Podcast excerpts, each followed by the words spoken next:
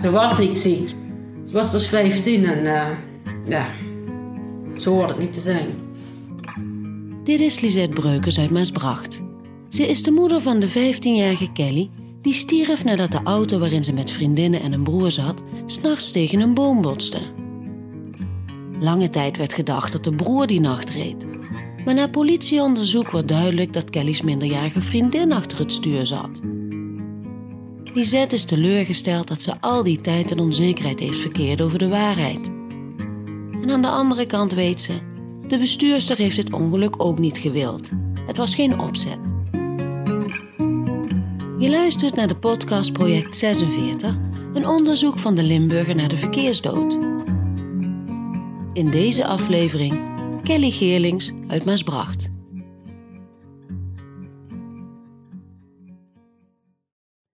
Ze heeft een leuke avond voor de boeg.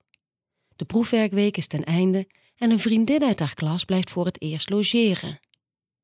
Die avond hebben de 15-jarige Kelly uit Maasbracht en haar klasgenootje met vrienden afgesproken om naar de McDonald's in echt te gaan.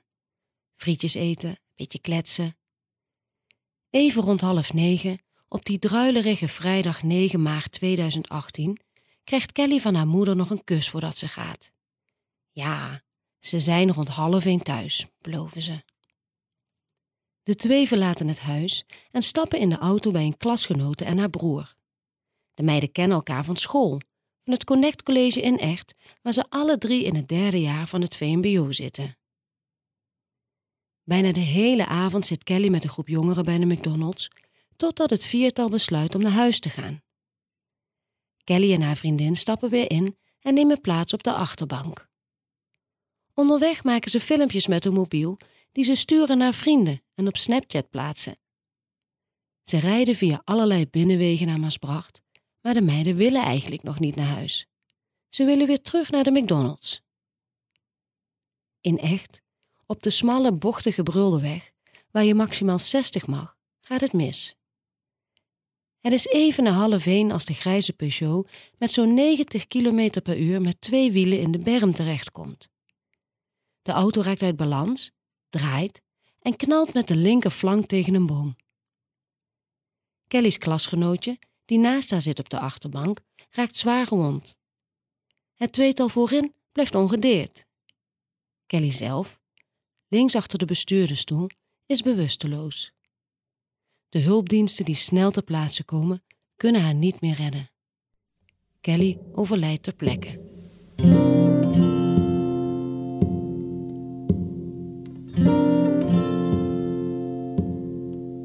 Dingen, dan ga ik zelf naar McDonald's, wat ik vaker met haar. En dan bestelden we meestal daar bij de McDrive. En dan doe ik soms net als ze naast me zit.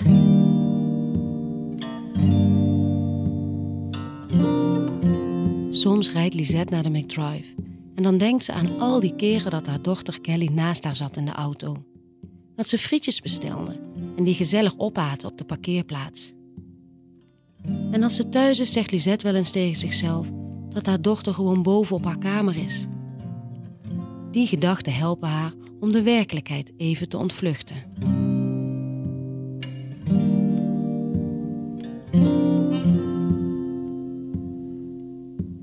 Die vrijdagavond voor het ongeval appt Lisette nog met haar jongste dochter. Ik heb geschreven van eh, kom alsjeblieft veilig thuis. Kom veilig thuis. Lisette denkt dan nog dat de meiden op de fiets zijn vertrokken, al blijkt later dat ze met de auto zijn opgehaald. En dan appt Kelly terug. Ja, ik kom veilig, kusje. Heel apart, zegt Lisette nu. Het woord thuis stond er niet bij. Daarna appen ze niet meer. Lisette rommelt die avond wat in huis, bezoekt haar vader en later haar moeders graf. Die nacht horen Lisette en haar oudste dochter Nicky dat er iemand voor de deur staat. Een inbreker, denkt Nicky in eerste instantie. Of misschien is het Kelly wel, denkt ze later. Lisette zegt haar dochter boven te blijven en gaat kijken. Als ze de deur opent, ziet ze de politie staan. Ze schrikt. Heeft haar dochter iets uitgespoot? De agenten vragen haar even te gaan zitten. Ja, dan zeggen ze, je dochter heeft een ongeluk gehad en uh, ja, dat mijn dochter het dan niet overleefd had. En Ja, dat.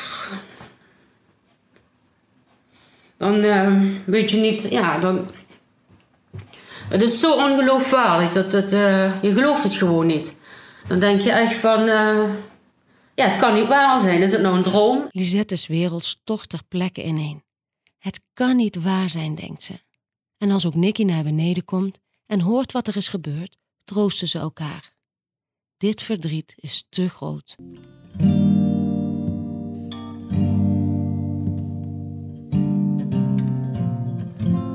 Ze was uh, eerlijk, dat was ze sowieso. Recht voor de raap, ze was ondeugend. Ze was, ja, dat was ze allemaal wel.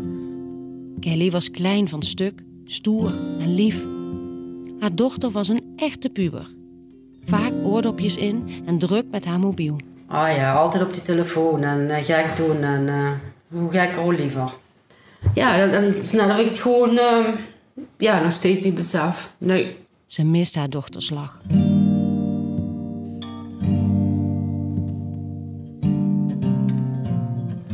Voor Kelly moesten haar make-up en haar haar tot in de puntjes zijn verzorgd. Lisette weet nog dat haar dochter een keer alleen met steltang en make-up naar school ging.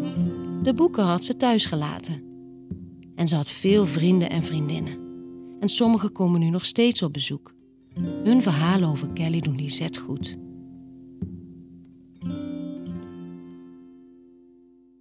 De band tussen Lisette en haar dochters was hecht. We zeiden ook vaak, we zijn de drie musketiers. Dus ja, en uh, dat dan gebeurt, dat je in één keer uh, uit het leven wordt gerukt, dat uh, is nu nog steeds niet te begrijpen. Met Kelly trok Lisette door heel Nederland, want Kelly had turntalent. Ze had ook altijd geturnd. Dus van kleins af aan ben ik door het hele land met haar gereisd. En ja, daar was ze heel fanatiek in. Kelly was fanatiek. En ze had talent.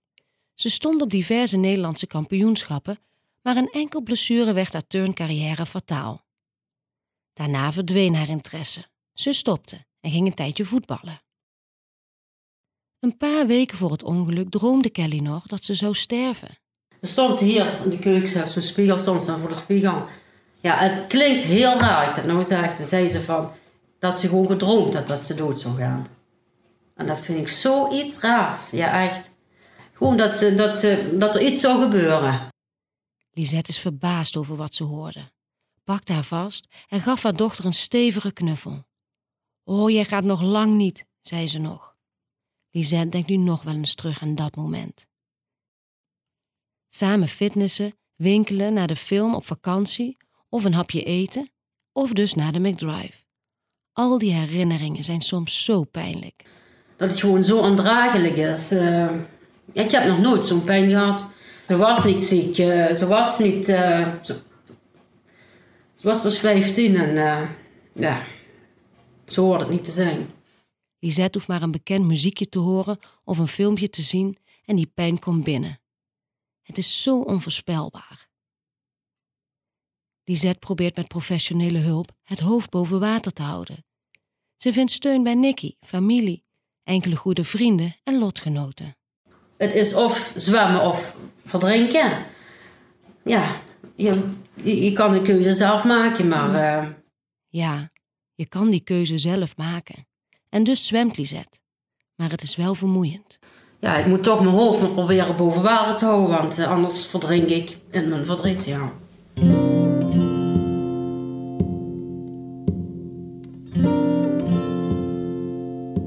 Tot de crematie weet Lisette eigenlijk niets over de toedracht van het ongeluk. En in de eerste dagen wil ze het ook niet weten. Ze kan het niet aan. Maar in het dorp komt niet veel later de geruchtenmachine op gang. Niet de volwassen broer zou de meiden in de auto hebben rondgereden, maar zijn minderjarige zusje.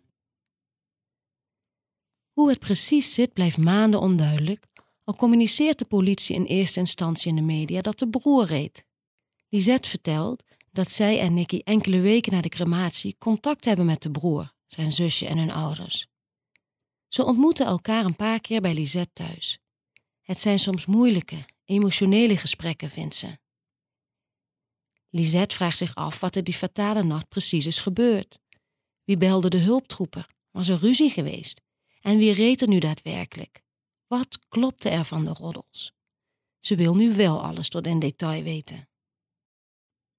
Maar het blijft onduidelijk. Lisette heeft het gevoel dat er meer aan de hand is, dat de waarheid wordt verzwegen. Dus het klopte gewoon niet. En mijn, uh, mijn gevoel klopte, het klopte gewoon niet. Ook in, in mezelf niet. Mm. Nee. En dan, in september 2018, zes maanden na het ongeval, staat de politie opnieuw op de stoep bij Lisette. Er is een filmpje opgedoken, gemaakt vlak voor de fatale klap. En je ziet ruitenwissers en het regende en je ziet de kilometerstand. Het was volgens mij rond 90 jaar. Ja, uh, hoe zeggen. En je ziet het tijdstip erbij staan. En je ziet in één keer dat, ja, valt het ook uit.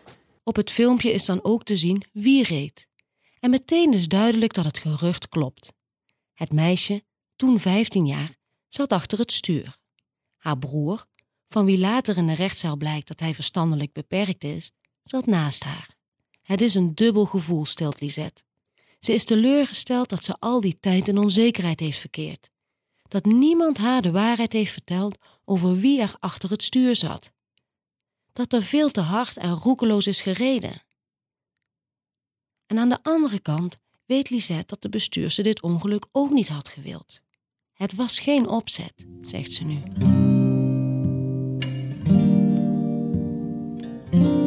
Lisette moet lang wachten voordat ze hardop in de rechtszaal tegen iedereen kan vertellen wat ze voelt en vindt van de zaak. Het duurt één jaar en tien maanden totdat de zitting op 13 januari 2020 achter gesloten deuren plaatsvindt. Ze hoopt dat de broer en de zus een passende straf krijgen. Maar met geen enkele straf krijgen Kelly terug. Ik heb levenslang, maar eigenlijk hebben alle betrokkenen levenslang. Op welke manier dan ook, zegt ze. Soms gaat Lisette nog naar de boom waar haar dochter verongelukte. Het is een herdenkingsplek geworden waar ook vrienden, klasgenoten en familieleden naartoe gaan. En thuis staat de urn met Kelly's as op haar slaapkamer. Dat vind ik veiliger. Mhm. Gewoon op een tafeltje naast mijn bed. Ja, daar kan niemand aankomen. She left you alone for three days. What on earth were you gonna do? Hoorde een aflevering van de podcast Project 46, een zoektocht naar de impact van de verkeersdood, gemaakt door de Limburger. De muziek die je hoort is van Pablo en Luca van der Poel.